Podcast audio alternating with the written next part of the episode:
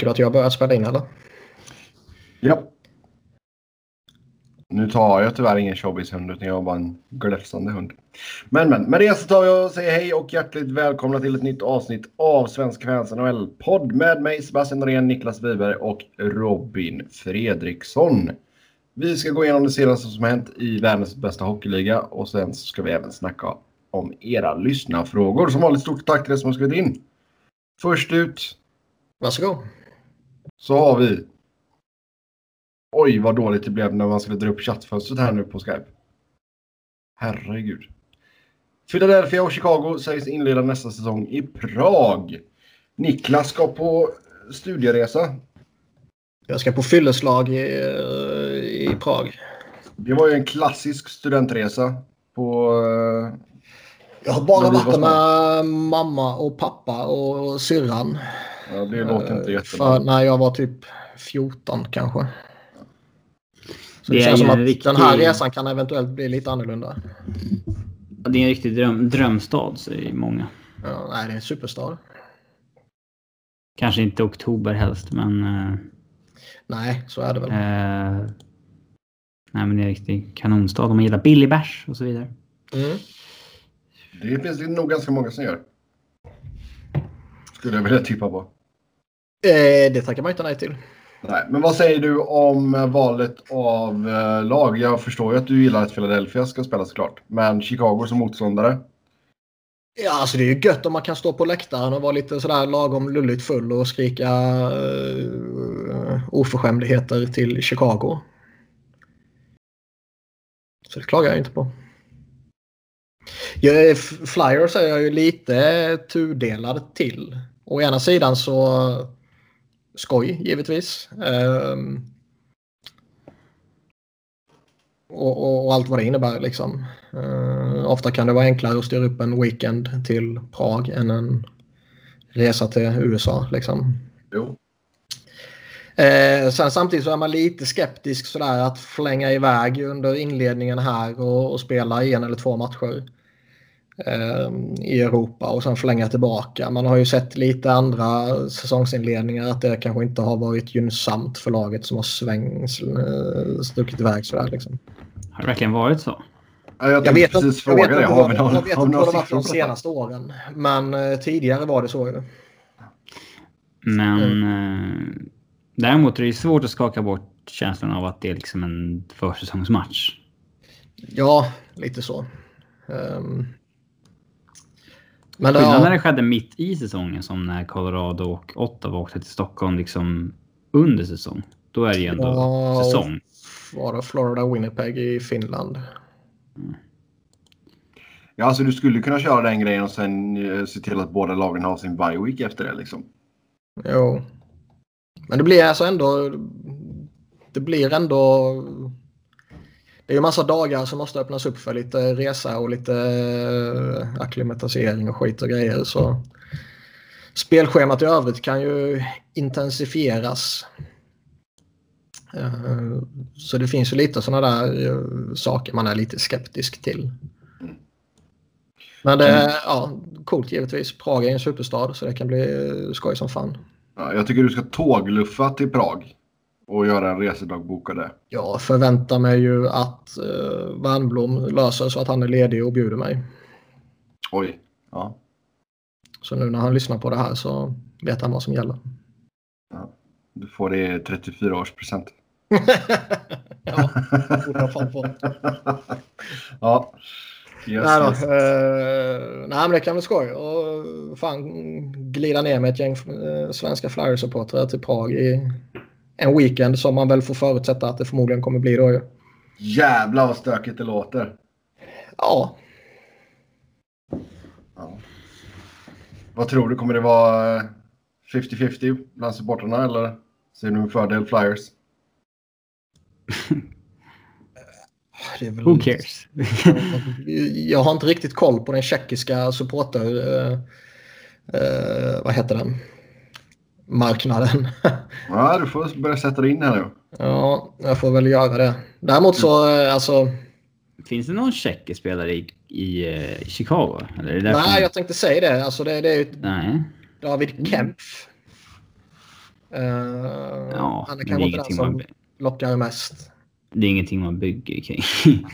Nej, Flyers har ju ändå Voracek och Gudas. Som ju, där i alla fall Voracek är uh, en framträdande spelare i Tjeckien. Mm. Ja, det känns ju ändå som att det, det brukar ju... Alltså de brukar ju planera det här med lite tanke. Det var Mm. ingen slump att det var två svenska lagkaptener som möttes i Stockholm. Liksom. Nej. Sen är ju inte det här bekräftat ännu. Utan det, det är ju saker som har läckt ut. Och innan det är officiellt så är det ju inte officiellt så att säga. Mm. Däremot är det rätt stora som har liksom hintat om det. Så Jo. man borde ju kunna lita på det. Får ringa Jagr så får han vara lekledare. Ja. Alltså Chicago är ju... Det är ju inte den mest självklara, eller det mest självklara alternativet att skicka till, till Prag, som inne på. Samtidigt så är det, vi vet ju hur mycket ligan värdesätter just eh, Chicago i marknadsföringssyfte och tv och bla bla bla. Ja, jo. Så ur den aspekten är det väl viss rimlighet. Ja, ja. Så länge de inte gör det till en utomhusmatch. Ja. Yes. Dödat nästa- utomhusmatcher. Ja, nästa punkt på schemat här. NHL ser inte ut att vilja ändra slutspelsformatet och eh, tv ska vara den stora anledningen där. Då får någon förklara för mig varför, eller vad som är skillnaden tv-mässigt. För jag har inte... Det, är, Läs det någonting. ska vara enklare att förutsätta hur det kommer gå i nästa runda. Alltså när, när man vet vilka som kommer mötas. Alternativen är liksom färre när man ska planera. Mhm.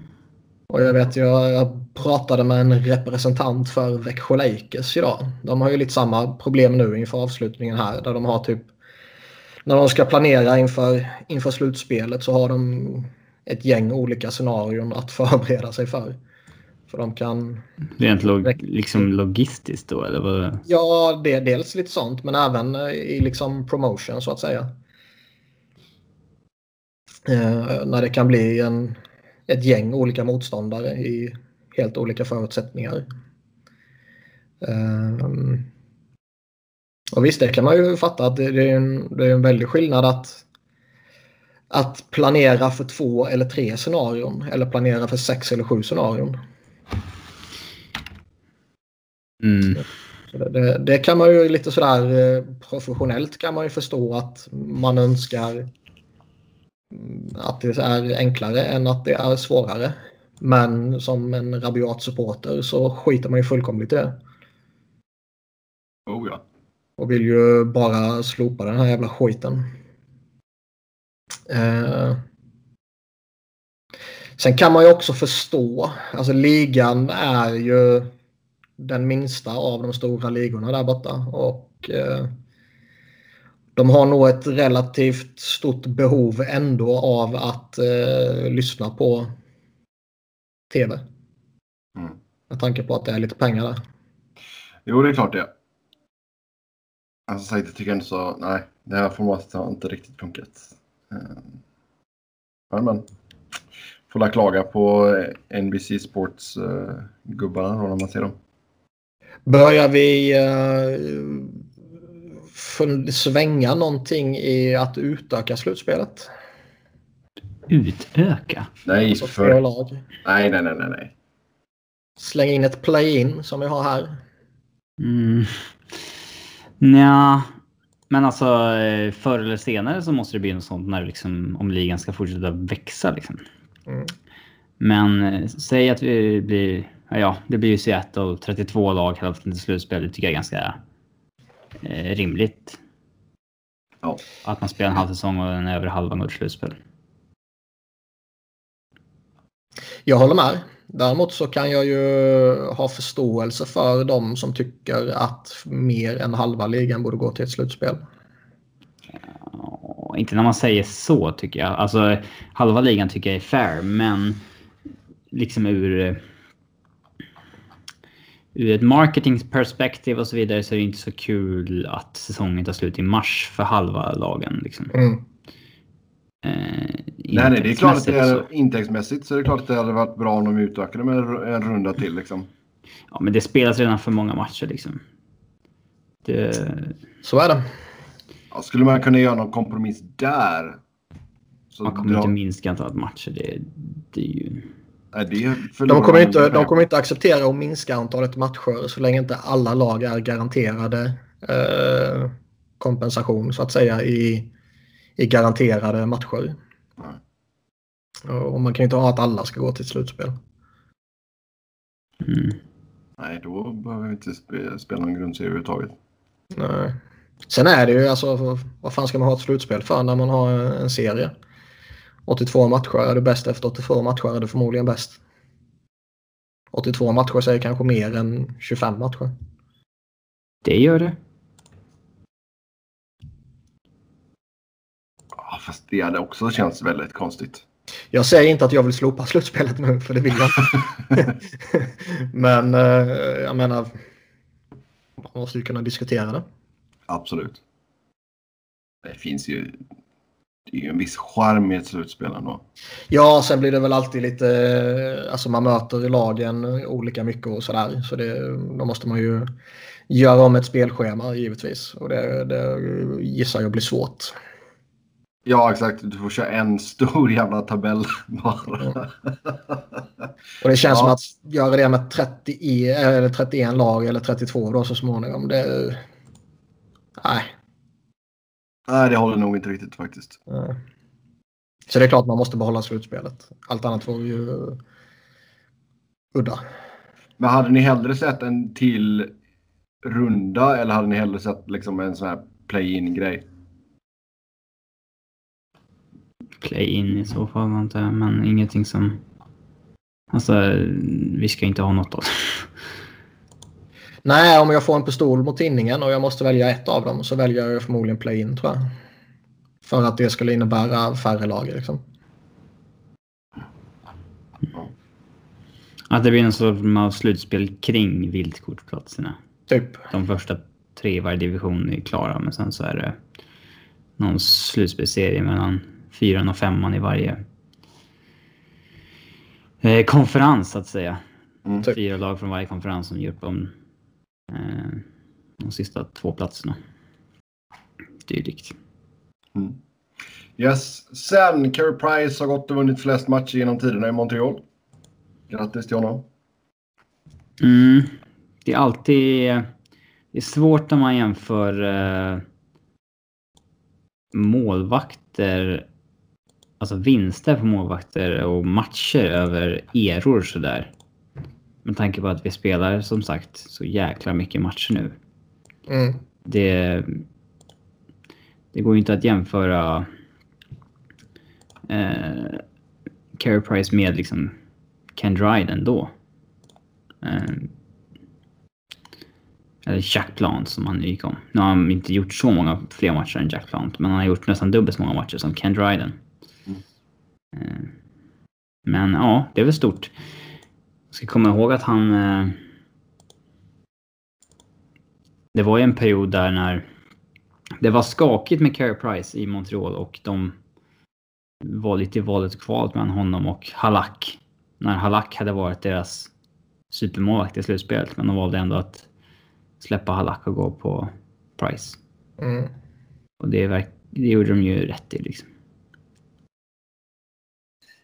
Oh ja känns det ändå inte som att 315 segrar, att det är bäst i Montreal. Känns inte det lite? Ja, men det är för att vi spelar så mycket matcher idag.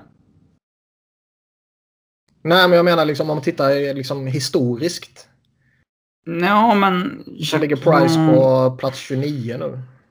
De har inte haft någon som Ra, Ra hade han ju aldrig passerat ifall Ra hade liksom gjort de där sista Nej, så är det. Eh, åtta åren i, eh, i Montreal, inte i, i Colorado. Jack Plant, mm. Ken Dryden spelade ner när det var för få matcher. Eh, han har ju... Han har ju över 600 matcher i Montreal. Jack Plan, Petrograd ligger över 500 men sen är det ingen som är över 400 ens.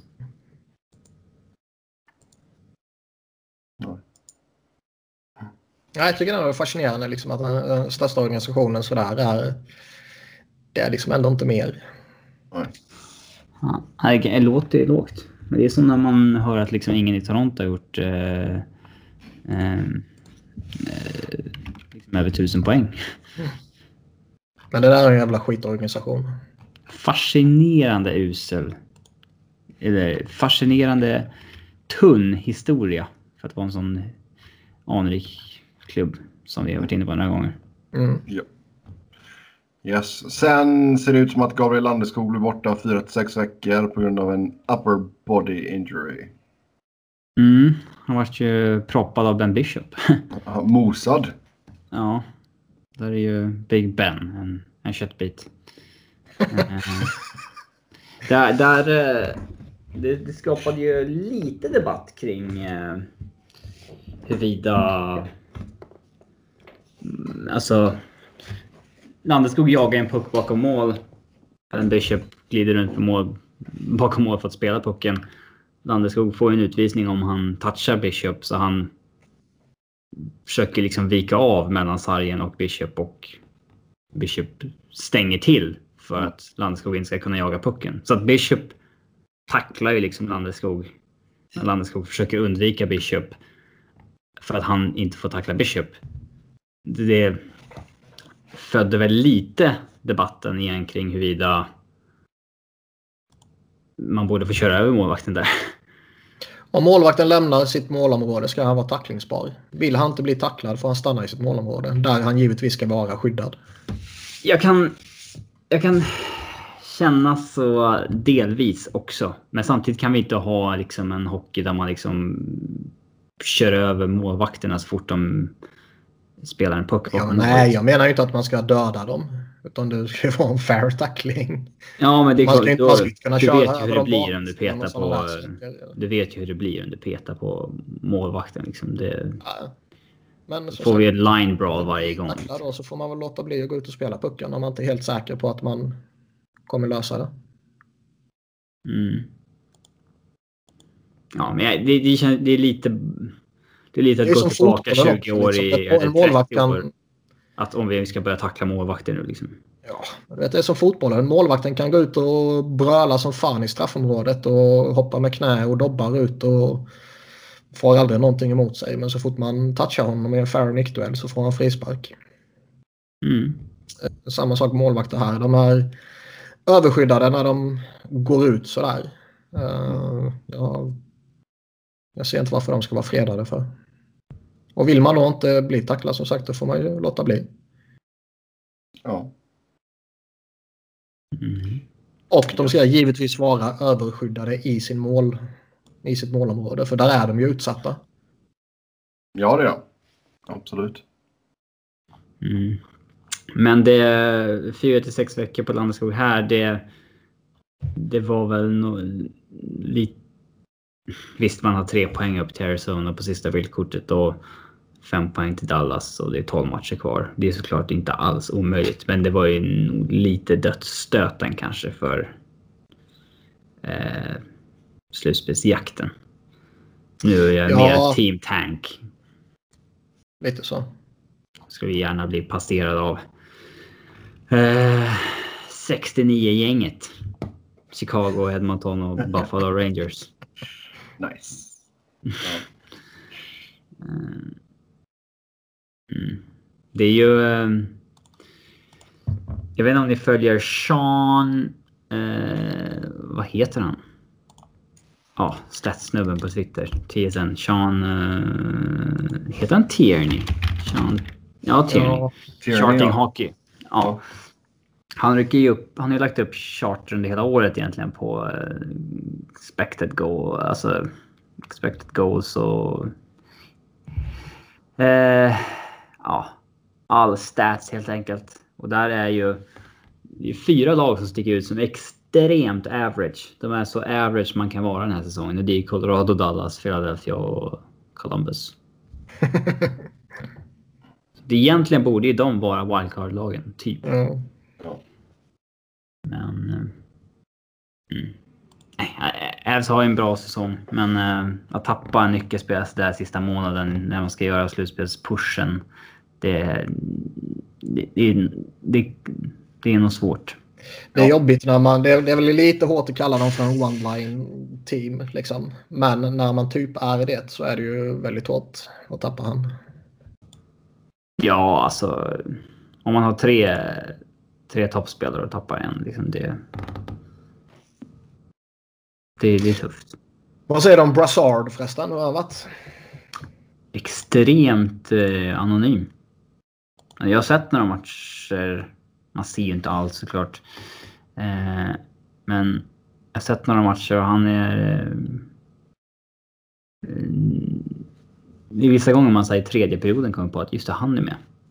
Eh, det är ett gott betyg. Nej, det är fan inget bra tecken. Eh, en väldigt, väldigt anonym. Inte alls eh, så att han har liksom kommit in och drivit en kedja eller så. Det, det kan man inte påstå.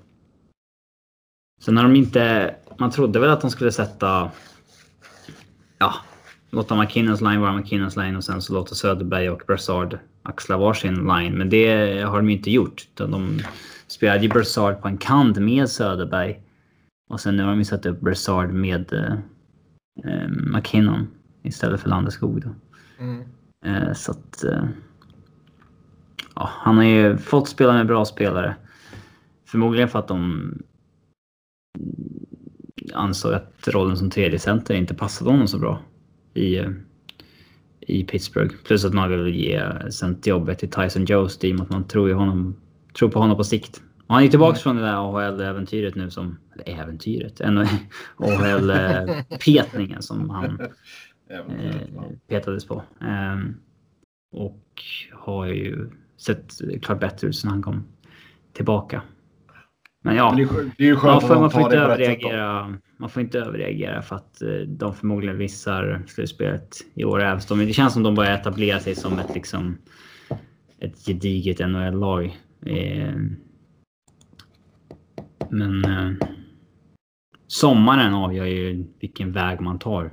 För där är det ju otroligt mycket som kan ske. Man ska ha en ny målvakt, man ska ha nytt kontrakt till Rantanen, man har otroligt mycket pengar att spendera. Eh, man har beslutat att ta med Tyson Berry och så vidare. Ska slussa in Cale McCarr, har ett otroligt högt draft och så vidare. Så det där är ju ett riktigt vägskäl. Men så, eh, skadan på Landeskog är ju dödat säsongen lite grann. Såg du att Darren Dragger har varit ute och snackat lite i Philadelphia ju? Och typ Dragger säger att äh, men allting kan hända i Philadelphia. De kan gå efter alla och de kan offersheeta och de kan trada och de kan gå på free agency och hela köret. Och sådär. Men han trodde inte att Rantanen var eh, liksom aktuell för han var helt övertygad om att Avs kommer matcha alla bud. Hmm. Ja, alltså...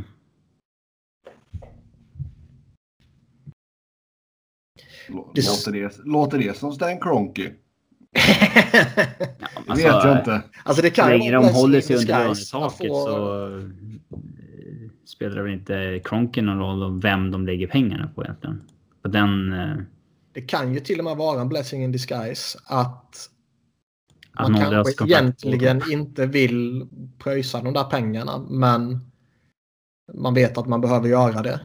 Och helt plötsligt hamnar man i ett läge där man tvingas till det. Mm. Ja, jag kan absolut tänka mig att den eh, förhandlingen kan dra ut på tiden. Mm. Mm. Jag tror att han definitivt spelar i Hävs nästa år, oavsett vad. Ja. Men nu har han ju... Uh, han har 86 poäng på 70 matcher. Han är ju inte längre på den... Vi snackade ju förut om att liksom, passerar man 100 poängs marginalen då då är det ju svårt för ett lag att liksom hålla ner löne... Alltså blir det tresiffrigt, det är en jäkla skillnad liksom i känslan på hur säsongen eh, känns. Ja, så är det ju. 100 poängs eh, gränsen är ju en fin milstolpe numera. Den är ju en riktigt fin milstolpe. Mm. Även om det ser ut som att det kommer bli ett gäng denna säsongen. Mm. Men det har inte skett jätteofta de senaste åren. Så det är klart det är en jävla skillnad. Yes. Ja, nästa punkt är då. Carl Hagelin fick en hyllningsvideo när han återvände till Pittsburgh med Washington. Eh, och Niklas har skrivit här. Varför ska var och varannan spelare få en hyllningsvideo? Ja, ja. Jag såg Robin var ute och hatade på det på Twitter också. Jag fick mothugg. Ja, inte av mig. Kommentarer var väl, men den kommer inte rulla eh, på repeat forever. Det förstod jag också. Om eh, jag, om jag ska vara come clean här. Ja, det. Visst, alltså. Han var ju inte obetydlig för dem när de vann. Nej, det är klart att det här handlar ju såklart om att de vann två Stanley Cups. när han Ja. Eh, och Och verkar ha Han varit hade väldigt en- omtyckt. ja. Det spelar nog också in en. Men, Ja, men alltså om man sätter nivån där så ska ju varenda spelare som någonsin har vunnit en cup med ett lag och varit jag, framträdande. det han- det handlar väl om att de vann två kupper i Ja. rad. Och han var en riktig spelare där. Men vi pratar ändå om en komplementspelare på vägen. Mm. Och det är inte så så att hans... Säg att om vi hade ackumulerat hans år i Ducks och Rangers innan med att han hade varit i Pittsburgh från 2011 till 2019 nu när han tradades till Kings. Då hade jag nog tyckt att det inte hade varit så orimligt kanske. Nej, det håller jag med om. Men... Eh, nej. Det är nästan som att det, det förväntas vara hyllningsvideos vart en spelare kommer oavsett. Och Ja, men så är det. Alltså det, det, det är en större grej om det inte skulle bli det än att man gör det för vilken skitspelare som helst. Mm. Ja, nej, jag tycker det... Det har gått inflation i det. Det Ja, har det säkerligen gjort. Man kan inte ta Hall of Fame på allvar längre och man kan inte ta hyllningsvideor på allvar längre. Samtidigt... man kan inte ta tröjhissningar på allvar längre heller. Och fan är världen på väg? Ja du, det snöar i Las Vegas. Ja, för fan. Ja. Nej men alltså det är, jag kan köpa att de gjorde det för honom. Han fick ju ett bra, bra hyllning där. Det, Vi pratade om det, var, det var väl förra veckan eller var det förrförra? Jag minns fan inte. När, eh, alltså, när Islanders slänger upp en video på Tavares. Ja. Vilket ju på ett sätt är jävligt fair. På ett annat sätt är... Eh, dålig känsla. dåligt Ja, känsla det är klart att de måste göra det. Eh, det är klart att de måste göra det sett till vilken spelare han var för dem i liksom nio år. Men det är På kanske då... ja, på ett sätt nej. Ja. Ja, både och så att säga. Men det, det, är de, de, det är de spelarna som ska hyllas med en hyllningsvideo om man återvänder. ja liksom. men egentligen vad fan Inte spelar det för roll? Det tar, det tar 20 sekunder så är det över liksom.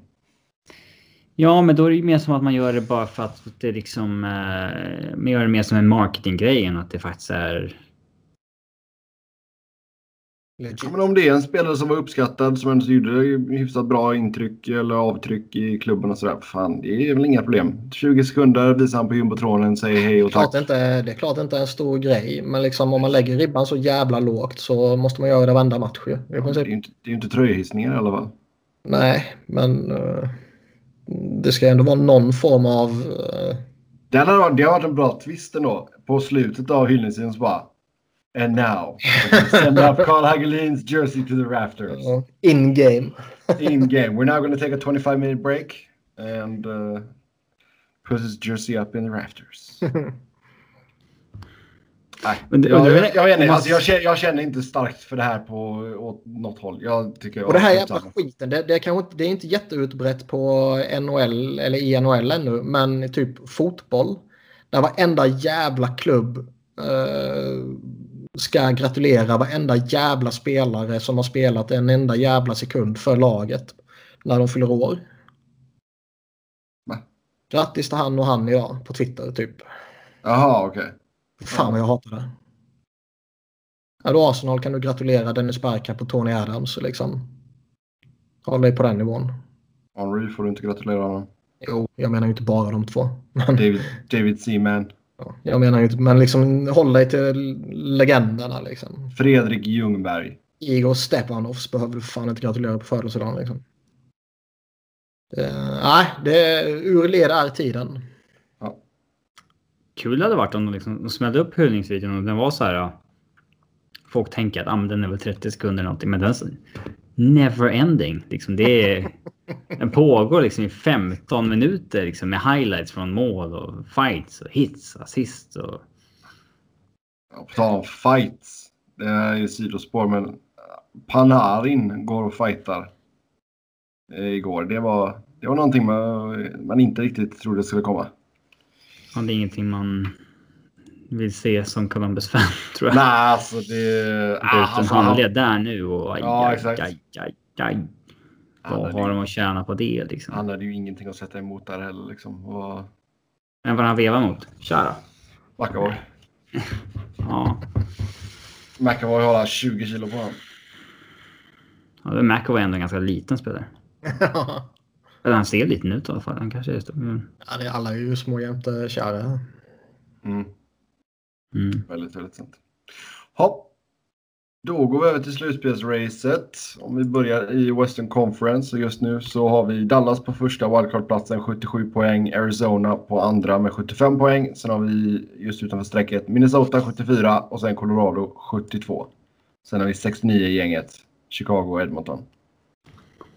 Det vore satan i mig imponerande om Arizona tar en slutspelsplats. Med tanke på vilken säsong de har haft med skador och skit. Ja, vad fan var det jag läste? Det var typ 300 man, eh, man games eller vad fan de nu kallar det. Ja, men räknar man in det? Ja. Men jag vet inte, alltså räknar Räknar man in? Datsuk och... Ja. Nej. Utan spelare som ändå så har gjort någonting den här säsongen. ja. Ja, Datsjuk har gjort rätt bra ifrån sig i KHL. Ja, jo, jo. Men i NHL. När man men tittar alltså bara- på deras eh, liksom, eh, stats, Arizona, alltså lagets individuella stats. Mm. Clayton Keller leder liksom deras poängliga med 44 poäng och sen är det Oliver Ekman Larsson på 37 och Stefan har 32 på 64 matcher. Det, det ser ut som ett lag som ligger i botten. Hur kan de ligga... Ja, nej, och skadeproblem på Ranta liksom. Ja. Ja. kör de Darcy Kemper och Calvin Picard. Det ska inte vara möjligt. Nej, nej, alltså Kemper har ju varit överjävlig här nu på slutet. Ja. Jag menar, Brad Richardson är bästa målskytt med 16 baljor. Det är ju fyra mål här nästan. Så eh, nej, det är absolut imponerande. Vad har de kvar nu? De har kvar... Det är Eh, ju bara, vänta nu. Nu ska vi räkna här. En, två. Det var tre spelare som spelat i alla 70 matcher. Det är Mm. Kell, Keller, Nick Cousins och Niklas Elmarsson. Fast det är ju sällan man har, eh, känns det som, jättemånga som spelar alla matcher. Utan de brukar ju missa någon match här och där. Liksom. Ja, ja, absolut. Men du Men- har ju... De, nu har de kvar Anaheim, Edmonton, Tampa, Florida, New Jersey, Islanders, Chicago, Colorado, Minnesota, LA, Vegas, Winnipeg. Det är fan inte mördande alltså. Du bör ju kunna vinna hälften av dem i alla fall. Ja, man ska kunna vinna mer än hälften. Man kan ju inte direkt gå ut och kräva segrar mot Tampa Bay, Vegas och Winnipeg. Nej. Alla andra matcher är ju allra högsta grad uh, winnable. Ja, alltså matchen mot Minnesota kan ju bli riktigt jävla intressant. Vad, hur ser Minnesotas schema ut om vi ska jämföra? De har ett brutalt schema tror jag. Minnesota har eh, Dallas, Rangers, Islanders, Avs, Caps, Hurricanes, Nashville, Vegas, Arizona, Winnipeg, Boston och Dallas. Bara slutspelslag typ. Mm. Ja. ja. Det hade varit... Som sagt, det hade varit en jävla bedrift. Vad hade vi med där? Vi har eh, Dallas också. Ja, de, är ju två, de två mötena mot Minnesota blir ju också jävligt avgörande där såklart. Dallas har Minnesota, Vegas, Vancouver, Florida, Avs, Pittsburgh, Winnipeg, Calgary, Edmonton, eh, Vancouver igen, Philly, Chicago och Minnesota. Jo, men Dallas ska väl nästan börja blicka uppåt mot St. Louis. Det är bara två, bara två pinnar bakom. Plus att de har... Eh, Ja, de har bara två pinnar framför Arizona så det är liksom... ja. Nej, det är jävligt intressant faktiskt. Men du, Robin, du känner så att Colorado är, det är för långt borta eller? Ja. Visst, vinner man tre raka här är man ju med såklart, men... Uh... Avs har Anaheim, New Jersey, Minnesota, Dallas, Chicago gånger två. Uh, Vegas, möter... Arizona, Blues, Edmonton, Winnipeg, Sharks. Det var inget mördande schema dock heller. Mm. Och man möter ju Minnesota och Dallas, så där har man ju chansen. Ja. Men då måste man ju ta de matcherna. Ja. Och Arizona. Så man möter ju lagen där man jagar. Ja. ja. Man har det i sina händer. Mm. Ja, dubbla möten med Chicago som ligger bakom där också. Och sen Edmonton där, som man, man, kan ju verkligen man kan ju bli omsprungna också. ja, om man ska tanka så är det då man ska torska. Ja. Ja, och ute i Eastern så har vi Carolina på första wildcard-platsen, 83 poäng. Columbus på den andra, 81 poäng. Sen utom strecket Montreal 81 poäng, Philadelphia 76. Jag är så övertygad om att Flyers kommer missa med typ en poäng. Mm. Uh. Man har gått på en sån osannolik eh, liksom, du vet, Tampa-nivå de senaste veckorna här och kommer ju behöva fortsätta ligga på den nivån om inte ännu bättre för att lösa det. Och Flyers nu har kvar eh, ja, man har ju tre matcher här nu, fyra kanske till och med, där säsongen rimligtvis kommer att avgöras. Washington, mm. Toronto, Pittsburgh, Montreal. Uh, därefter Chicago, Islanders, Caps, Toronto, Hurricanes, Rags, Dallas Blues och Hurricanes igen. Så man har ju några av lagen man jagar och sen är det några riktiga tunga matcher. Både Toronto och Washington två gånger om och Pittsburgh är givetvis tufft. Och sen Hurricanes två gånger om också. Ja. Mm. Nej, jag tror väl om det eh, poängsnitt man har haft under Gordon, ska man hålla uppe det resten av säsongen, då skulle det landa på 92 poäng. Ja, sen är det ju liksom lite att Flyers är inte så dåliga som man var under Dave Hackstall. Och man är inte så bra som man har varit under Gordon. Utan sanningen ligger någonstans mitt emellan. Klassiker. Nej, men alltså så är det ju. Alltså, det, är ju ingen, det är ingen som tror att Philadelphia är ligans bästa lag, vilket man har varit uh, typ sen man bröt den här förlustsviten i januari. Mm. Vi kan säga grattis till Tampa också som har clinchat en slutspelsplats. Ja, chockerande. Ja. Då är det okej att börja sälja merch.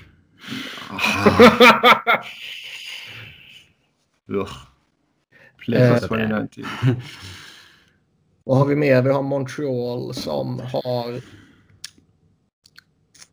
eh, Islanders, Chicago, Philly, Islanders, Buffalo, Carolina, Florida, Columbus, Winnipeg, Tampa, Caps och Toronto. Tuff avslutning med de sista matcherna där men eh, högst hanterbart innan dess. Mm.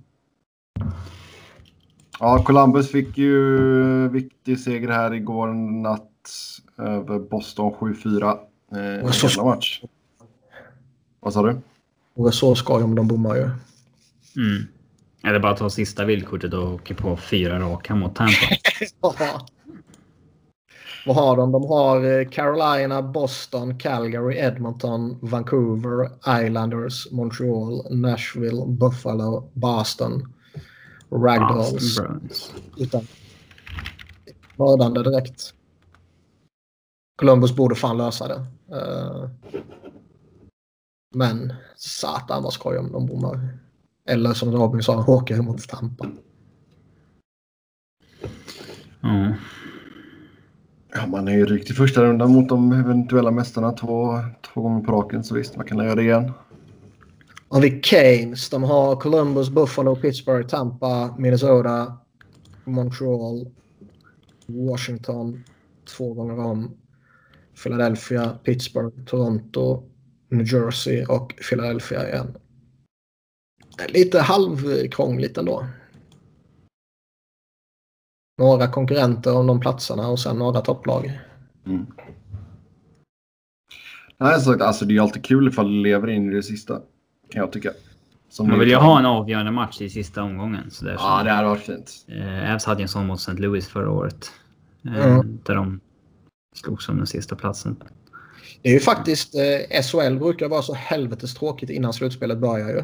Men eh, nu leder ju, eller leder, lever ju faktiskt eh, tabellen in i sista omgången. Mm. Det är kul. På typ alla platser utom de två som hamnar i botten. Mm. Ja, det är alla har något att... Jag tror det är Frölunda som inte har någonting att spela för. Annars tror jag alla har något att spela för av de som är Ja, slutspelsaktuella så att säga. Så är det. Och det är ju Kan, kan Frölunda vila lite spelare så de är bra i slutspelet sen. Det är osportsligt. Ja, det det vore lite... Tänk om Frölunda vilar liksom halva laget, spelar med hälften juniorer och jag tror de har Brynäs i sista matchen. Och Brynäs som jagar slutspel vinner den matchen. Och tar sista slutspelsplatsen. Nu kommer det i så fall bli på Örebros bekostnad och inte en människa bryr sig om Örebro ute i landet liksom. Eh, så det kanske inte skulle bli något ramaskri men eh, det skulle bli Någon- lite rubrik. Någon skulle ju lacka. Någon skribent hade fått för sig att det är jätteosportsligt och bla bla. Nej men alltså det finns ju jättemånga Örebro-supportrar givetvis. De skulle ju lacka och det skulle jag också gjort om jag skulle varit där. Men eh, tänk om det skulle varit tvärtom. Alltså Brynäs har ju supporterskara i varenda jävla by. Ja. Yes, då tar vi och kliver in på lyssnarfrågorna. Som vanligt stort tack till er som har skrivit in. Först ut så får vi ta och eh, ta den som kom in sist här. Eh, varför slaktade Devils Blackwood i natt? Otroligt att man låter en målvakt stå kvar efter så många insläppta. Nio mål. Alltså vilken jävla match! Jag tror det är så enkelt som att de spelar back-to-back och Corey Schneider är ju... Eh, hur ska man uttrycka det? Han är ju... Fragile. Ja. Och spelar han eh, back-to-back, även om det inte är en hel match i första matchen, tror jag man är lite rädda för. Är det första gången någon släpper in nio mål sen Patrick Raw sista matchen mot Råd? Kanske det är. Nu har, Nej, vi det lite, nu har vi lite fina ord här som vi ska dra upp. Frail då på svenska. Svag, klen, skör, bräcklig eller skröplig. Vilket kan skröplig. Han är brä, nej, men bräcklig kan vi säga. då. Jag känner att ef- efter den diskussionen vi nyss hade så känner jag att det vore lite mer relevant att googla upp vem som hade släppt in nio mål senast. Nej. Nej, googla upp en översättning istället. Ja, det tycker jag är fint. Nej, men alltså tittar vi på den här matchen. Eh, jag lyssnade bara på eh, tredje... Eh, nej, lyssnade, ah, skitsamma. Jag lyssnade på delar av matchen i alla fall på vägen hem från Columbus. Eh, Devils hade ju ledningen med 3-1. Och sen så sa det bara tjoff. De gjorde ju... Ja. Det var ju en rejäl jävla urladdning. Ja. Det är väl korrekt. Jag menar den tredje perioden. De gör mål efter 41 sekunder. 1-0-1, 2-37. Men alltså vad ska man säga? Det, det är kvalitetsskillnad på dem. Ja. Calgary ser ju ut att vara på riktigt denna säsongen. Även om det finns lite, lite frågetecken över uh, målvaktsparet, anser jag. Eh, New Jersey är ju liksom ett förstärkt AHL-lag numera. Jo. Men det ska, det ska ju bli åka av. Ja, fast kanske inte på det här sättet. Oh, det- Jo. Alltså skillnaden mellan ett topplag i ligan med den första kedjan som Flames ändå har och de toppbackarna de har mot ett AHL-lag med... Jo, men du ska ju inte, du ska ju inte kunna... Du Det ska ska, ju ju inte kunna, bli, det ska vara en satans skillnad. ja, men du ska inte kunna göra sex mål på en period. Varför inte det? Nej, för Skjuter fan. du sex skott så kan du göra sex mål. Ja, jo. Det är jävligt sant. Alltså ti- titta på New Jerseys jävla laguppställning. Det är typ sju spelare som man på allvar känner igen. Mm. Ja, så det är typ första kedjan och sen Drew Stafford. Men jag menar han är ju inte... Drew Stafford 2019 är ju liksom whatever. Jo.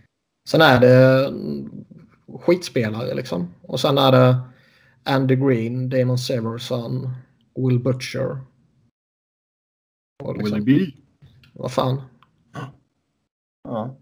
Så det är klart de ska bli överkörda när de möter ett topplag. Jag, jag tycker inte det är det minsta förvånande. Sen kan man ju givetvis alltså det här att man ska låta sin målvakt undvika förnedring är ju inte helt relevant. Han skulle relevant. släppa in mål då? Ja, och liksom jag, jag tror också att jag, jag, tror på ett sätt det kan vara nyttigt också för en ung målvakt att, att eh, om man kan ta, hantera det på rätt sätt. Få någon sån här riktig jävla pungspark. Ja, det vete fan. Men alltså. Alla resonemang kring byta målvakter tycker jag ofta är konstiga. Det här byta målvakt för att väcka laget och... Nej, det tror det är jag skeptisk till också. Det bara jag förstår inte hur det skulle gå till för att det skulle vara liksom... Nej, men ibland behöver du göra, alltså det är ju bland den enklaste förändringen du kan göra som en tränare i en match. Liksom. Jag menar kolla, Boston drog ju, ju Rask och sen kom Halak in och sen var man bara, gick man upp och så var man ett mål bakom bara.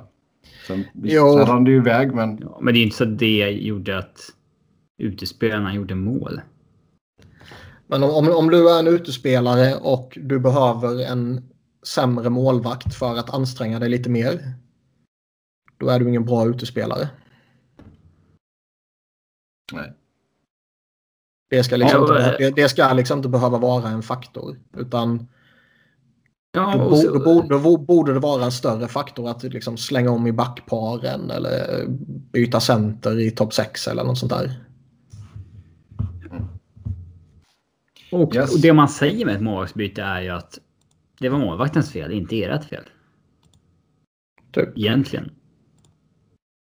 Det är inte så att man lägger något ansvar på, på spel, utespelarna utan då, man, då lät man ju bara första målvakten bära, bära hundhuvudet. Och det är ju en, lag, det är en lagsport liksom. Om, det, om de vill ha kvar samma målvakt i mål, då får han väl stå där liksom. Det är ju inte... De har väl inget ansvar att se till att han inte släpper in mycket mål. Alltså, upp till han att inte släppa in nio mål. Ja, jag menar som Niklas sa, känner de att Schneider är så pass uh, skör eller bräcklig så... Uh, men jag, i, i, det här, I det här fallet ser jag ingen annan uh, anledning. Ja, vi kan väl ta en titt på Calgarys interna poängliga här. Uh, Gaudreau hade ju hattrick. Han är uppe i 33 baljer nu. Uh, Monahan 31 baljer. Kachuk 30 baljer, Lindholm 27 baljer. Ja, Lindholm har stannat av lite grann, men... Uh... Ja, fortfarande en bra säsong. 76 poäng ja. kan man ju inte... Mm, ja, när vi pratade ju om ja, ja. målskyttet. Det kändes ju som att han hade 20 första 20 matcherna typ. Uh...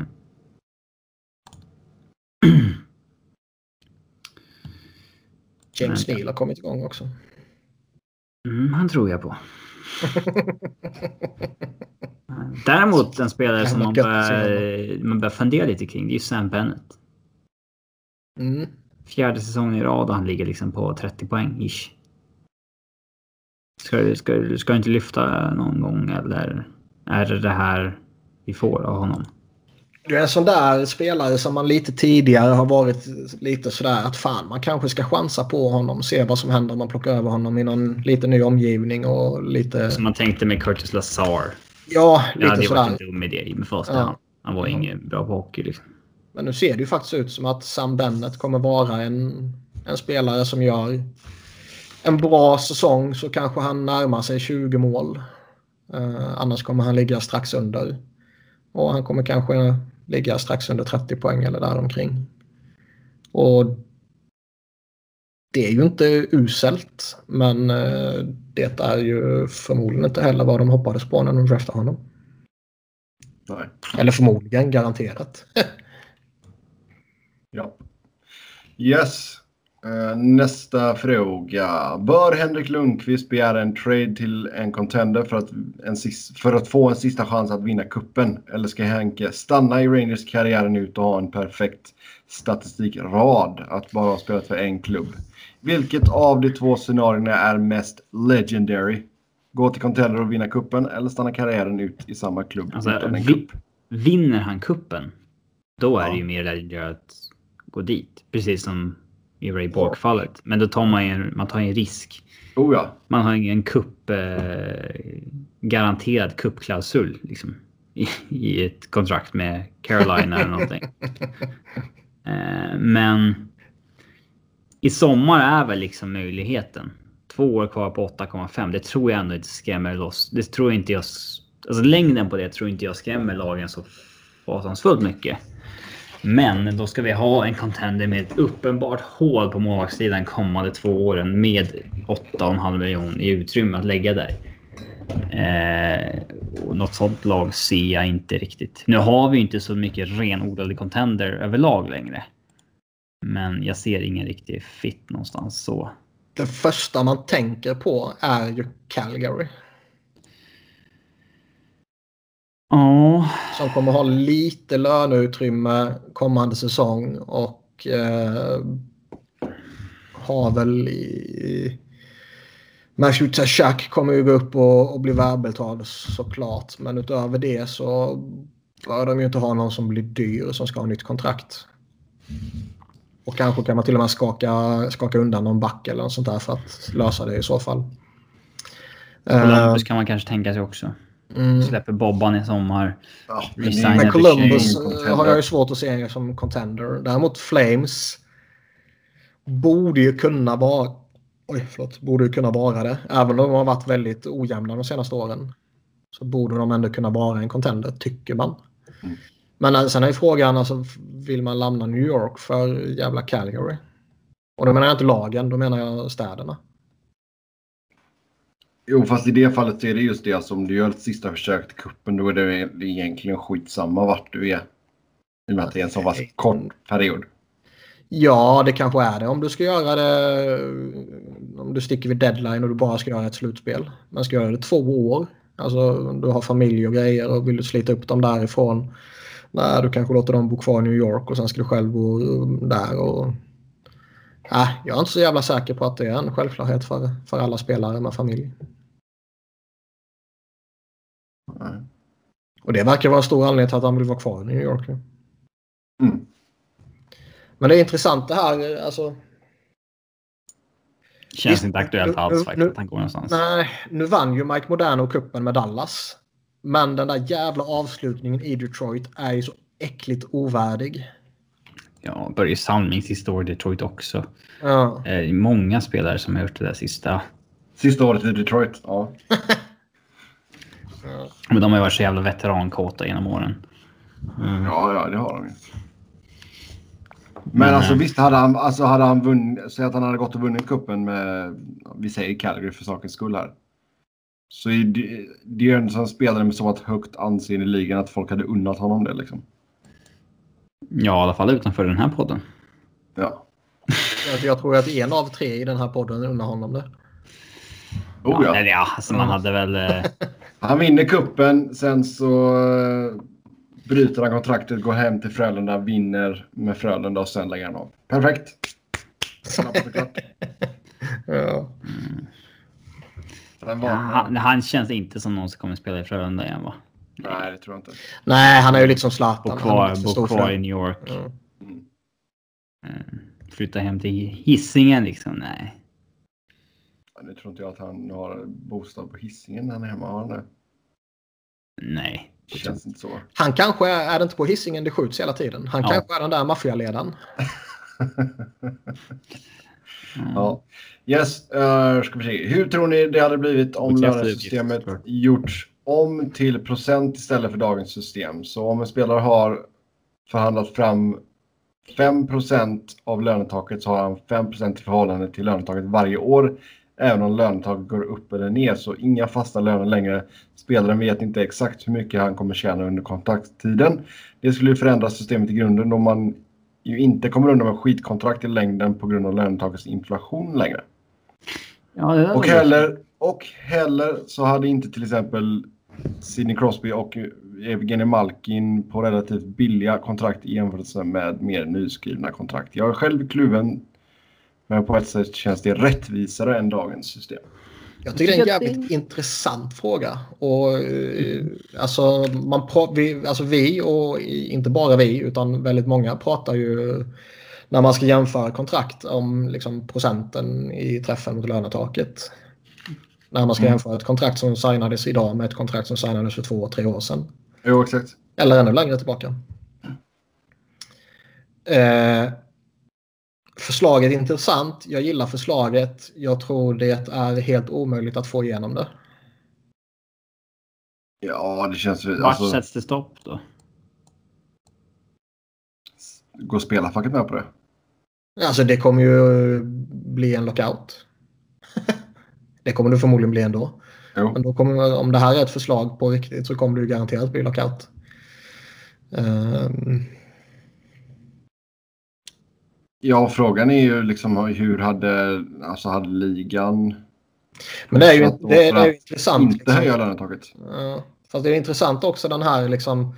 Okej, här har du garanterade pengar. Du vet exakt hur mycket du har i ena handen. I andra handen har du en möjlighet att tjäna avsevärt mycket mer än så. Men du har också en risk för att tjäna mindre än så. Vad hade minimumlönen varit? Procenten kanske? Nej, jag har ingen aning. Nej. Ehm. Sen samtidigt så är allting tyder väl på att lönetaket år för år kommer att öka. För det har ju gjort så hela tiden. Ehm. Ja, alltså det, det är väl om vi skulle få någon ny sån riktig jävla ekonomisk kollaps som det kanske inte skulle höjas. Ja, eller eh, omförhandling av CBA, lockout och krav om att eh, ligan går så dåligt, vilket den inte gör, men det kommer de hävda. Att vi måste eh, sänka löne, lönetaket. Ja. Ja. Yes.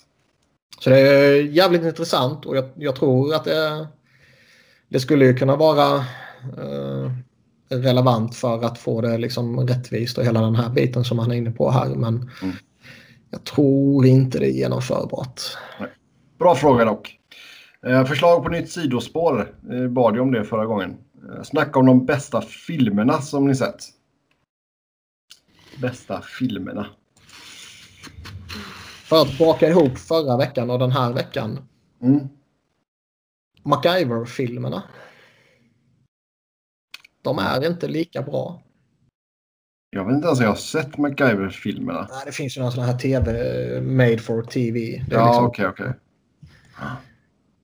Nej, men jag tror, alltså, f- nos- man har ju lite nostalgi i vissa filmer också. Rocky 4 är ju en sån film för mig till exempel. Den, den är ju dålig ob objektivt sett egentligen. Ja. Alltså, det är liksom Ja. det är tre träningsmontage i den. Ja, ja, visst. Två Men, eh, fighter och det är, liksom, det är ingenting där med. Alltså, men men grej, grejen var den att det, det var en av mina favoritfilmer att se med min morfar. Så på det, på- liksom, det är ju bara nostalgin i det hela då som liksom gör att den ligger varmt till om hjärtat. Jag tycker Sagan om ringen-filmerna är jävligt bra. Ehm, Fatta att hur jävla gamla de är. ja, jag vet det. Ja, uff. 20 år nu. Ja, det är för jävligt. Tiden går fort. Men de var riktigt mäktiga. Det, det var, där är man ju så jävla glad att man gick och såg dem på bio. Eh, för vissa filmer gör sig inte jättebra om man inte har en Bauta-TV hemma. Jag, alltså en sån grej, jag försökte kolla Inceptions på flygplan en gång. Det, var, det är inte att rekommendera. Sån mig sån sex, sextumsskärm. Man bara, vad fan är det som, vad händer här nu? Vänta, vänta, nu är allting upp och ner på. Nej, nej. Så det var ju bara att lägga ner den. Eh, andra filmer alltså, som man har fått såna här wow-känslor av. Uh, Eurotrip. Eurotrip. Ah, då gillar jag ju Road Trip bättre. Nej, nej, nej. nej. Eurotrip. Är... Jag vet inte hur. Jag, jag har sett den så många gånger så jag kan inte räkna. Den är eh, grumlig. Vinnie Jones. Jag har ofta lätt att ta till mig filmer som är baserade på eh, en sann historia. För då har man ju liksom alltid... Black Hawk Down. Ja, in, kanske inte. eh, men Captain Phillips till exempel med Tom Hanks såg jag för ett tag sedan. Ja, det är den I'm the Captain now. Ja. Ja, Eh, det, det, det behöver inte ens vara storfilmer sådär, men liksom eh, alla som är baserade på en sann historia känns ju alltid jävligt intressant att se, för det är lite så här historielektion på samma gång. Eh, sen... Eh, Alltså en klassisk, rull, en klassisk rulle som jag älskar det är ju Casablanca. Den kollar jag minst eh, en gång om året. On Den the Waterfront. Bästa filmen som någonsin har gjorts. Det är bara eh, sjukt många legender i den. Shawshank Redemption. Ja. Men den är lite för, den är lite för, eh, vad heter det, den är lite för... ehm, nu tappar jag, vad heter det? För, för vanlig, den är lite för... eh, Ja, är lite för den är ju den eh, filmen som på IMDB har högst betyg av alla filmer i världen. Shawshank Redemption, ja. Ja. ja. Pulp Fiction.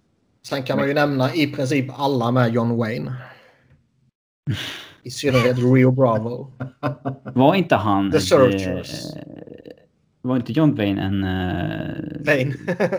ja, var, var inte han en uh, förjävlig människa helt enkelt? Jo, han verkar ha varit ett riktigt as. Ja.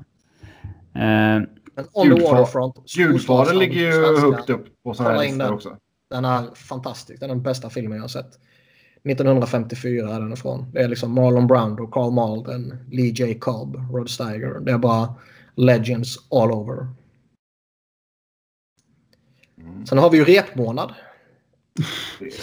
Vi kanske ska ta svenska filmer i en annan Alltså- egen kategori. Ja, det kanske, men alltså jag tycker ju Sällskapsresan 2 är ju helt underbar. Ingenting slår repmånad om vi snackar svenska filmer. Det finns en svensk film från 1988 som heter Besökarna. Ja! Den är jättebra. Den, den är ju så här, det är en sån här lågbudgetfilm. Det är typ fem skådisar med i hela filmen. Men första halvan är jätterolig. Alltså jätterolig är den. För det är så många... Ja, jag vet inte om de menar att göra det roligt, men... eh, det, är, det är väldigt många roliga scener i den. Niklas, vad tycker du om Gladiator? Den heter inte Gladiator. Gladiator. Den låter så töntigt när man säger det på svenska. Och då- Och det låter coolt när man säger det på engelska. Ja, okej. Sorry. Ja. Nej, men det är. The Killer, gammal Hongkong-action från slutet 80-talet. Med eh, eh, Chow Jun-Fat eller vad han heter. Satan vad cool den är. Den måste alla kolla på. Alla hans coola Hongkong-rullar från slutet 80-talet, början 90-talet är ju så jävla sevärda.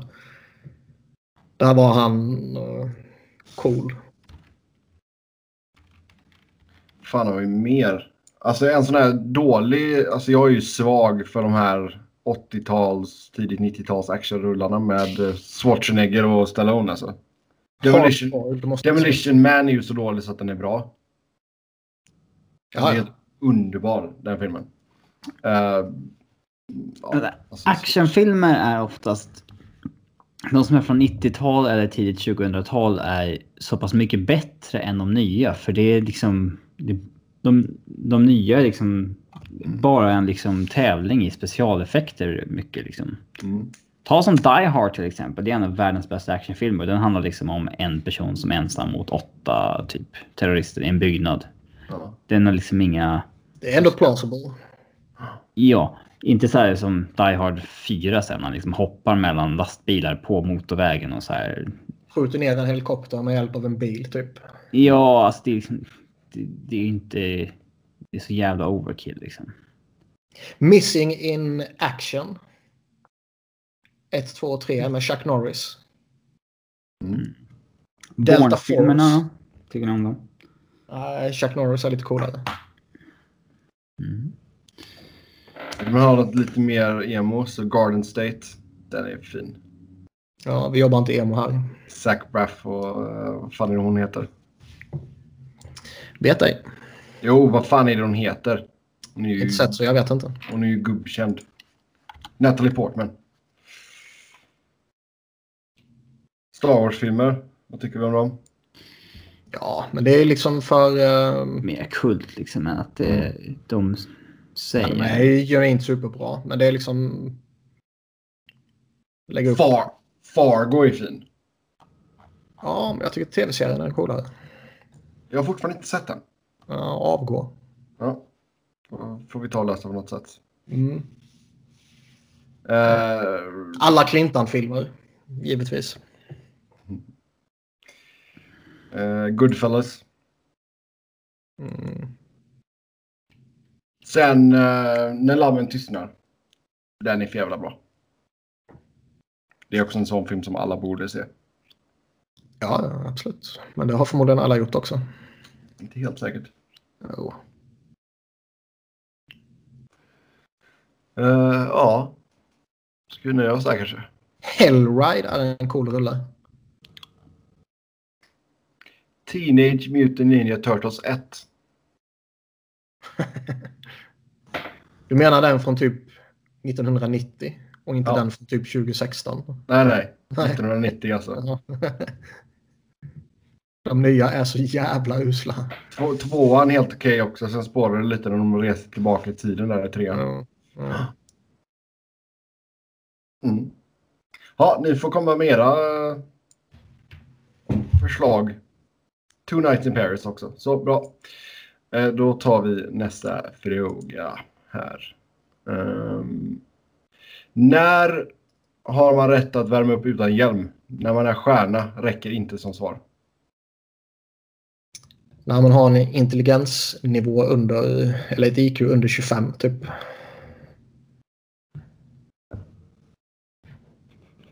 Eller var det för högt? Alltså hur stor är procent, så- liksom hur stor chans är det att det händer någonting? Ganska liten. Men Men alltså visst bara för att det har hänt väldigt få saker. eh, alltså jag säger inte, Så jag innebär säger- ju inte det att det, risken är så pass liten att man ska skita i det. För det, Nej, kan ju, men- alltså, det kan flyga puckar, du kan åka krocka, det kan ja det är klart att det- är bättre att flyga ta en det klubba. säkra för det Liksom, osäkra. alltså, jag, jag, jag tycker det är jättekonstigt att man väljer att göra det utan. Säkra för det osäkra, absolut. Men du ska ju, ja, alltså som sagt det är ju många stjärnor som eh, gör det eller har gjort det. Men det är ju lite sådär liksom, ja men det är typ skönare. Det är typ som fotbollsspelare som tränar och värmer upp utan benskydd liksom för att det är skönare. Men liksom Mm. du fattar ju att du ska ha dem när du spelar matcher. Det är klart du måste vänja dig vid dem om du tycker de är osköna. Ja. Men det är lite, sådär, det är lite mänskligt eh, beteende. Det är som att vissa tycker om att köra bil utan bälte. Liksom. ja, men då ska man ju inte ha körkort. Nej, men det, det verkar Eller så kan man verkligen ha normalt- körkort och uh, krocka. Verkar, verkar vara ett normalt eh, beteende hos många. Att liksom... Mm, ja. Jag vet inte. Rätt, alltså så här. Det är, vissa rör ju typ en nerv i att eh, du inte får bestämma själv hur mycket säkerhet du behöver ta över dig själv. Liksom, typ. Ja. eh, Jo, fast just bilbälte, alltså det är ju... Ja. ska vi ha en Det är, diskussion om man olag, det är olagligt. Uh, nej, men alltså det är ju, det är ju intelligensbevis på riktigt om du kör bil utan bilbälte. Mm. Jag, jag tycker man ska ha bilbälte, ja. Ja. ja, men det är samma sak som idioter som, det är bara för som, som kör motorcykel utan hjälm i vissa delstater här. För att det är, liksom, det är inte lag på att du måste ha hjälm. Mm. Det är, ja. Där kan jag dock tänka mig att det faktiskt är skönare. Det beror nog på hur fort du kör. Ja, Jo. men jag kan tänka mig att det är Om du bara cruisar lite och sådär så tror jag det kan vara avsevärt mycket skönare utan hjälm faktiskt. ja, det är klart. Jag menar, det är klart man, alltså, jag skulle vilja erkänna att det var gånger jag körde utan hjälm på moppen liksom. Ja, för att det var skönare. Ja, Coolare. lite, lite coolare liksom. Men jag menar, hade Sen jag... kom farbror Bulova och då slängde du på hjälmen fort utav helvete. Oh ja. Ja. Nej, sen skaffade jag mig en hjälm så jag kunde fälla upp liksom hela liksom, över, ja, frontdelen gick upp. Det såg ju jävligt fult ut men då fick du ändå så samma effekt av vinden så att säga. uh, men alltså det, det är ju någonting, liksom, hade, jag, hade, hade jag träffat mitt 15-åriga själv nu så hade jag ju slått honom på käften och sagt ta på dig hjälmjäveln. Liksom. Mm, det skulle jag också gjort. Ja. Uh, alltså dig alltså, inte mig själv. Ja, jo, det förstår jag. Det förstår jag. Du hade alltid hjälm. Och, knä, och knäskydd. Jag hade ingen moppe. Va? Och då bor du ändå så en liten håla. Det, känns som det är väl all... mest eh, vi som hade moppar. Alltså i förorter kring eh, storstäder. Än... Alltså jag tror det var vanligare på landet. Nej, alltså i, i, i hålor som Växjö och sådär. Det, det, det är där man tar körkort på 18-årsdagen. Ja. Kör ja. epa-traktorer. Nej, men jag, jag fick välja. Antingen fick jag en moppe slash vespa eller så fick jag en bil. Ah, okay. ja, då valde jag bil. ja, jo, det hade jag nog också gjort. Uh, men däremot, alltså ute på landet. Nu, nu, nu, Växjö är ju inte ute på landet. Trots vad ni jävla storstadsrövhål. Ja, det kan, kan vi ju debattera. Däremot ute på landet på riktigt. Alltså ute i en by, ute i skogen, ute i ingenstans. Där kan det nog vara väldigt vanligt att man... Alltså man måste ju ha transport måste med. Ha det för att Nej. någonstans. Kör farsans gamla Push Dakota. Mm. Ja. Yes, vi tar väl uh, sista frågan här för idag. Kotkaniemi och Marner har av olika delar av Fancy Stats-communityt lyfts fram som Selke-kandidater. Åsikter på detta? Marner med övervikt åt offensiva zonstarter samtidigt som han har negativa relativa corsi och OISV-procent. Kotkaniemi med fina siffror men en väldigt skyddad slash begränsad roll. Edmonton Oilers defenseman Brandon Manning is being healthy scratch by the Bakersfield Condors.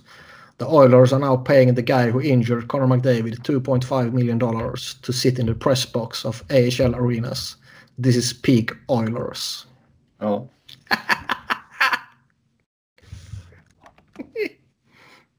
det är bra. Fantastiskt. Ja. Ja, jag blir helt scratchad av Bakersfield. Uh, även fast de har gått bra liksom. Men eh, Kotkaniemi slash Maner, eller och Maner. De bara Selke-kandidater. Utan att ha satt in mig i siffror och sånt här så är jag ju lite skeptisk till Marner. Inte för att han är dålig utan mer för att det känns som att det finns uh, andra alternativ som är hetare. Och sådär. Kotkaniemi är ju väldigt intressant dock. Uh, är han fortfarande 30? ja, de har väl spelat nu igen tror jag. Men... Jag vet inte om jag skulle, ham eller om jag skulle ha honom som liksom typ en av ligans tre bästa defensiva forwards. Men eh, det känns spontant som ett mer relevant namn att slänga fram än Mitch Marner, väl? Mycket möjligt. Det är väl just det att Marner har som sagt ganska mycket offensiva zonstarter och allt sånt där. Och det känns som att man tänker mer på hans offensiva kvalitet kanske. Om man mm. inte ser dem vecka in vecka ut. Det är mycket möjligt. Vi kan även säga att eh, lag har börjat signa en massa college kids här nu också. Jag har faktiskt inte någon koll på någon av dem. Nej, Detroit... Jag inte skrivit upp dem. Nej, men jag tänkte säga Detroit snappade upp två stycken där Tero Hiroshi och Ryan Kuffner. Um, Kuffner lirade för Princeton. Så han kanske har någonting bakom pannbenet. Och uh, Hiroshi spelade för Michigan State som traditionellt sett är en väldigt bra hockeyskola. Mm. Han har även representerat Salmon Arm Silverbacks i BCHL. Det är ett bra lagnamn alltså. Stort. Yes. Ja, med det då så tar vi säger tack och hej för den här gången. Chockerande kort avsnitt. Ja. Ja, ja, men... En timme och en kvart. Robin ville ju inte att det skulle bli två timmar. Skillnad på två... Alltså, alltså vi går inte över två timmar idag igen. Men eh, det har inte hänt något. Det har inte hänt så mycket. Vi har ju lite frågor till vi kan plöja, eller? Ja visst. Då fortsätter vi. Nästa fråga här. Såg en rolig trå- tråd på HF Boards. Vilket lag har de mest lättkränkta fansen? Har inte vi tagit exakt den här förut? Eh, Eh, måste nog ha varit ett tag sedan i så fall. ja. Det kan ha förändrats nu. Ja, det är Kings. Kings är ju så sjukt lättkränkta när det kommer till Jonathan Quick. Eller de var det i alla fall. Ja, de är Nu har- inte har- nu har längre. vissa, eh, eller rätt stor del, kommit till, eh, till sina förnuft liksom. Mm. Bett om li- ursäkt. Ja, till och med Sepp har insett nu. De flesta är ganska content med att han har gjort bra för klubben under åren men det är nog bäst ifall han lämnar i sommar. Det är inte bara nu vi pratar om. Vi menar ju liksom i princip hela karriären har han varit medioker. Bortsett från typ ett och ett halvt slutspel. Ja, det räckte till två kupper. Absolut, men Ja. eh, bevisligen har ni fortfarande inte fattat vad folket menar. Eftersom ni verkar tro att man bara menar numera. Mm. Mm. Mm. Eh, lättkränkta fans. Eh, Caps, ja. I synnerhet innan de vann. Jag har faktiskt ingen klar uppfattning. Eh, Alltså det känns ju som att du får ju alltid se det värsta av fansen på sociala medier. Eh, Jag menar Vancouver-fansen kan ju vara helvilda.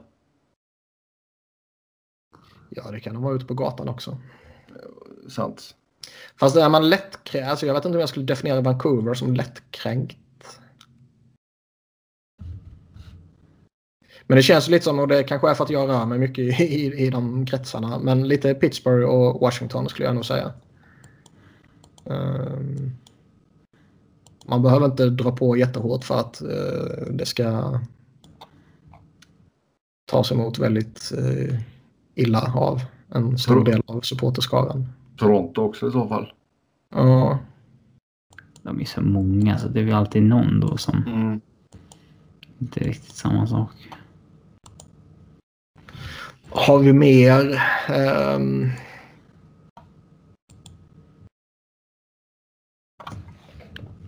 det är ju... Jag kommer inte på så jättemånga mer faktiskt. Kolla på New York-lagen. Islanders, Rangers. Vi kan ta med Devils också. Ah, någon, någon supporterskala där? Nej, det är ju bara jävla förlorarorganisationer och förlorarsupportrar.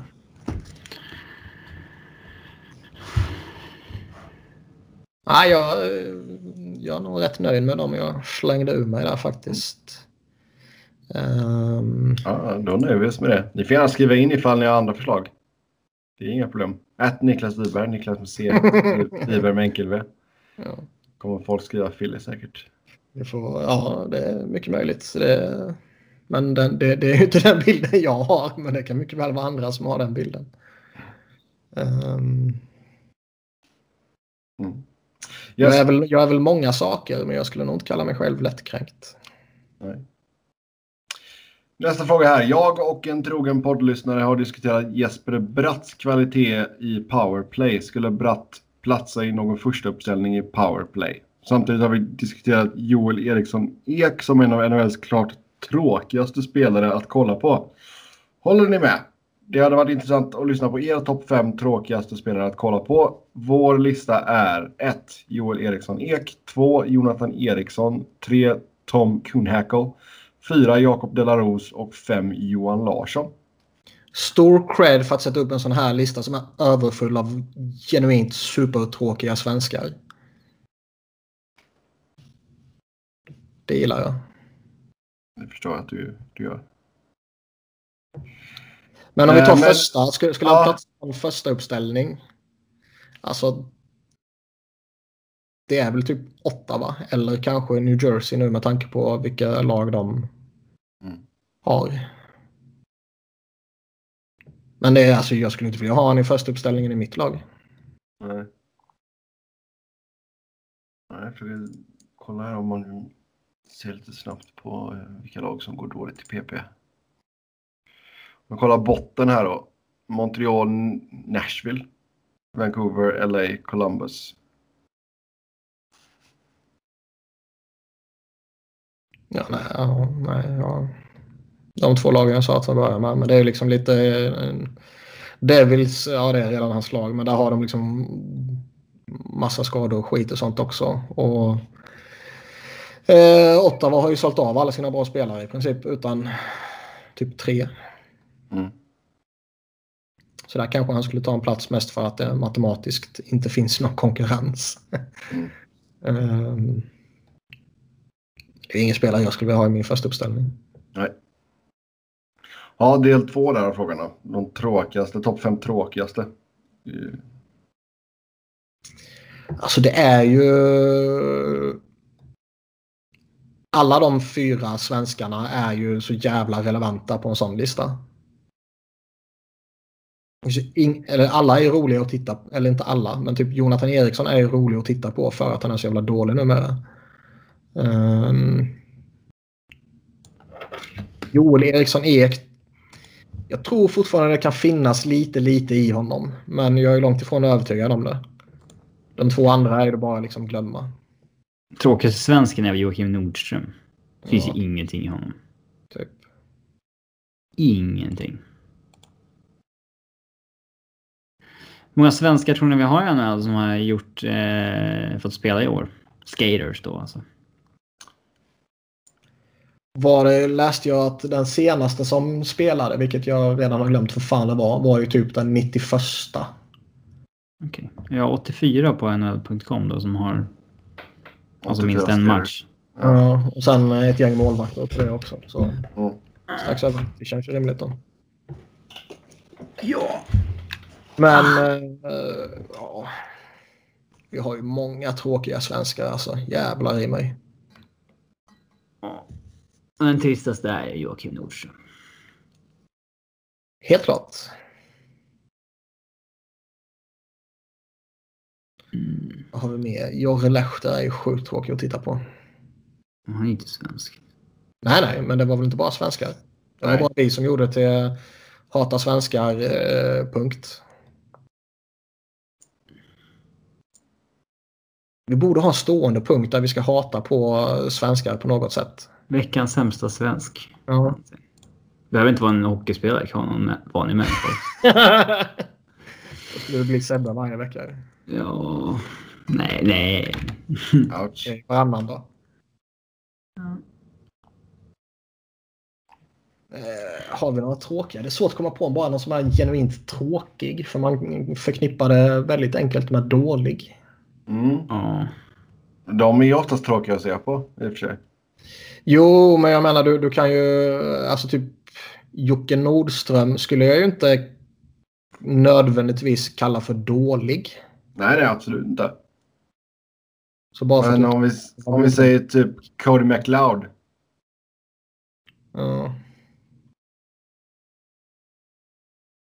Fast man är ju fortfarande så primitiv i sin hjärna. Sådana där spelare kan ju vara roliga att titta på. Man har ju, man har ju ändå liksom kvar eh, stenålders och grottmänniskor och ehm, generna. Tom Pyatt. Så på tal om det, såg ni statistiken om Valery Nitushkin? Nej.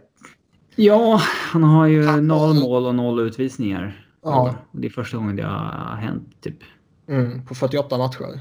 Det är första gången i NHLs 100-åriga historia. Så han är alltså sämst genom alla tider. Ja, det är bra att inte ha tagit några utvisningar i sig. Dåligt att inte ha gjort något mål. Ja. Var, var går grejen? För grejen att vä- väldigt många anser ju ändå typ att eh, det hör till att man tar utvisningar. Det är Eh, fortfarande var- bra att ha noll. Var går gränsen liksom på att nu har det tagit lite för lite utvisningar och nu har det tagit lite för många utvisningar. Det är väl aldrig bra att ta en utvisning. Jag säger inte att jag säger det, men det är ett lag som inte tar en enda utvisning på hela säsongen. Du är inte i penalty killing en enda gång på 82 matcher. Det är det är jättebra. Men folk kommer ändå klaga på det.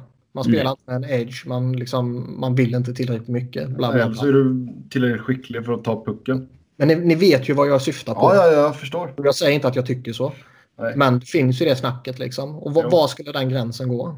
Ja, det vet jag inte. Dion Phaneuf är otroligt eh, tråkig att titta på. Kan, jag, kan jag ju meddela. Det är ont i hjärtat. Eh, Kan jag förstå. mm. Vi har bara fyra spelare i år som har passerat 100 utvisningsminuter. Det känns som det inte hade skett för ett gäng år sedan. Mm. Ja, vi kan ju ta och kolla på toppen där. Evander Kane, Antoine Rosell, Ian Cole, Tom Wilson och Wayne Simmons. Kan ta med Brad Marchand också i och med att han har samma antal. ligger på 87, det är ju anmärkningsvärt. Han Ja, är en smutsig spelare. Tjurig. mm. men det är, det är väl lite för mycket kan jag tycka av en spelare av hans klassen då. Ja, han borde hålla sig på isen oftare. Ja, Duncan Keith, 66 minuter. Det är lite... ja. Kanske, Sen Känns man, med. att titta på total antalet PIM, det är Ja. ju inte jättebra heller. Nej, en 20 kan ju dopa den där saftigt. Mm. Ja, flest minor penalties i, eh, i ligan i år. Det är Andy Kane, 36 stycken. Och då har han sju fler än tvåan. Ja, det är ju alldeles för många. Ja. Eh, sen har vi Max Domi. Du, du, du, du, du. Sadorov stör jag mig på att han tar så mycket utvisningar. Han har 27 i år. Två minuter. Rantanen har 25. Det är också för mycket. Eh, Malkin är där uppe också, 26 stycken. Smutsig jävla spelare alltså, för fan. Ja. Men det är, det är vissa spelare... Ja, det är ingen spelare man vill ha här. Men Alltså, vissa spelare som Malkin och Rantanen ska inte vara här. Sen ska du samtidigt vill du inte ha att dina depth-spelare som spelar lite. Du vill inte att de ska ligga i utvisningstoppen. Det är inget gott tecken heller. Men kommer man utanför typ topp 10, så visst det finns någon stjärna där, men utanför topp 10 sen så kommer det relativt många stjärnor ändå. Mm. Men det är för att de spelar mycket. Liksom. Ja, exakt. Och eh, lite vårdslösare är ju liksom Malkin och Marchand är ju lite sådana. Bufflien är ju väl där för att han är typ dubbelt så stor som alla andra förutom Chara typ. Jag, eh, jag kan gilla, jag kan köpa att vissa försvarare har en del utvisningsminuter ändå. Att man ändå vill etablera att liksom eh, det ska göra ont att möta mig. Liksom. Försöker bryta in framför mål på mig. Typ Roman Polak. nej. Men eh, alltså, både Oliver Ekman Larsson och Hjalmarsson har ju rätt mycket utvisningar. Eh, och ja, det finns ju ett värde i att spela liksom ändå på gränsen. Man håller sig på rätt sida av den. Men eh, Ja, ja. och sen alltså. Sen blir det väl kanske lite mer så också när du matchas mot de tuffaste eller toppkedjorna och i de andra lagen också. Det är samma sak där. Du vill ju inte att din sjätte back tar massa jävla onödiga utvisningar mot fjärdelinen liksom. Sen är det svårt att titta på det här. Alltså det, visst, man kan sitta här och kritisera någon spelare som har jättemånga utvisningar, men 20 av dem kanske har varit direkt nödvändiga att ta. ja. Det är det jag tror att det är om man tittar på till exempel Ekman Larsson 20. Jag tror inte att han har snedtänt och sådär så mycket. Liksom. Eh, Mm. Ja, jag håller med. Ja, ska vi ta oss där eller ska vi ta en av de matigare frågorna också? eh, nej, jag ska gå upp på fem timmar så jag får nog i alla Ja. fall kasta in handduken. Då tar vi och säger tack och hej för den här gången. Som vanligt kan ni köta hockey med oss via Twitter. Mig heter ni på Norden, Niklas på att Niklas Wiberg, Niklas med C, Wiberg med enkel V och Robin på R underscore Fredriksson. Tills nästa gång, ha det gött. Hej!